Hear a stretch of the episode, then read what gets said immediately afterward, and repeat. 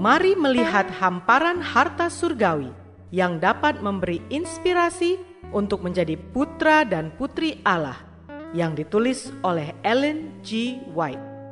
Melalui renungan pagi ini, kita akan mempelajari nasihat yang menguatkan dan memberi semangat untuk memperbaiki karakter kita. Bersama Mana Multimedia Ministry, selamat mendengarkan.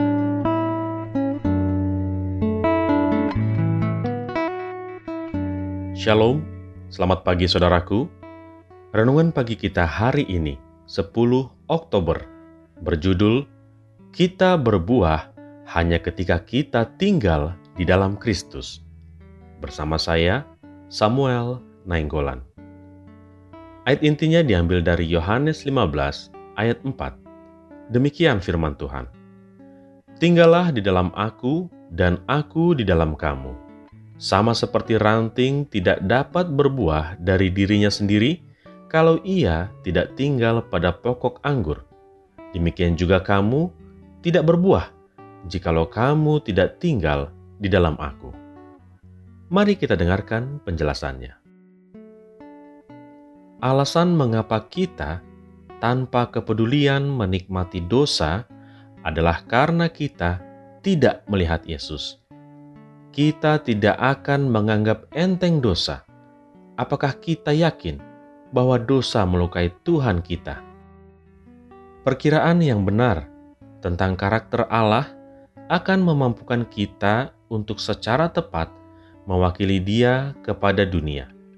Kekerasan, kekasaran dalam kata-kata atau perilaku, ucapan jahat, kata-kata yang penuh gairah tidak bisa ada di dalam jiwa yang memandang Yesus. Barang siapa tinggal di dalam Kristus, berada dalam atmosfer yang melarang kejahatan dan tidak memberikan alasan sedikit pun untuk hal semacam ini. Kehidupan rohani tidak dipupuk dari dalam, tetapi mengambil nutrisinya dari Kristus, seperti yang dilakukan cabang dari pokok anggur kita bergantung pada Kristus setiap saat. Dia adalah sumber kehidupan kita.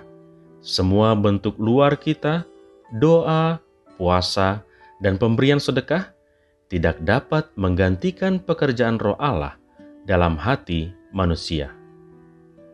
Ketika seorang sepenuhnya dikosongkan dari diri sendiri, ketika setiap Allah palsu diusir dari jiwa, kekosongan diisi oleh masuknya Roh Kristus. Orang seperti itu memiliki iman yang memurnikan jiwa dari kekotoran.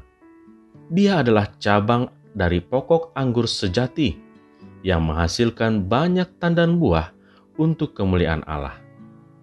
Apakah karakter yang dimiliki buah? Buah roh adalah kasih, bukan kebencian, sukacita, bukan ketidakpuasan dan duka.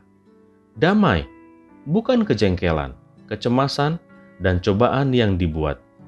Itu adalah kesabaran, kemurahan, kebaikan, kesetiaan, kelemah lembutan, dan penguasaan diri. Saudara-saudara yang kekasih di dalam Tuhan, satu cabang tidak akan bersandar pada cabang yang lain. Hidup kita harus berasal dari pohon anggur induk hanya dengan penyatuan pribadi dengan Kristus, dengan persekutuan dengannya setiap hari, setiap jam, kita dapat menghasilkan buah-buah Roh Kudus. Pertumbuhan kita di dalam kasih karunia, sukacita kita, tujuan kita, semua bergantung pada penyatuan kita dengan Kristus dan tingkat iman yang kita jalankan di dalam Dia. Doa kita hari ini. Bapa, terima kasih melalui renungan pagi ini kami diingatkan untuk bergantung kepada Kristus setiap saat sebagai sumber kehidupan kami. Terima kasih Bapa, melalui renungan pagi ini kami diingatkan untuk menjadi cabang pokok anggur yang sejati dan menghasilkan banyak tandan buah untuk kemuliaan Allah. Tolonglah kami ya Bapak, biarlah dengan pertolongan kuasa roh kudusmu, kami boleh memurnikan jiwa dari kekotoran dengan mengosongkan diri kami, mengundang Roh Kristus untuk masuk, sehingga kami dapat bersekutu kepadamu setiap hari, serta memiliki pertumbuhan iman yang sempurna di dalam Kristus. Tuntunlah dan peliharakanlah kehidupan kami ya Bapa, dan biarlah kehendakmu yang jadi atas kami. Di dalam nama Yesus, kami berdoa. Amin.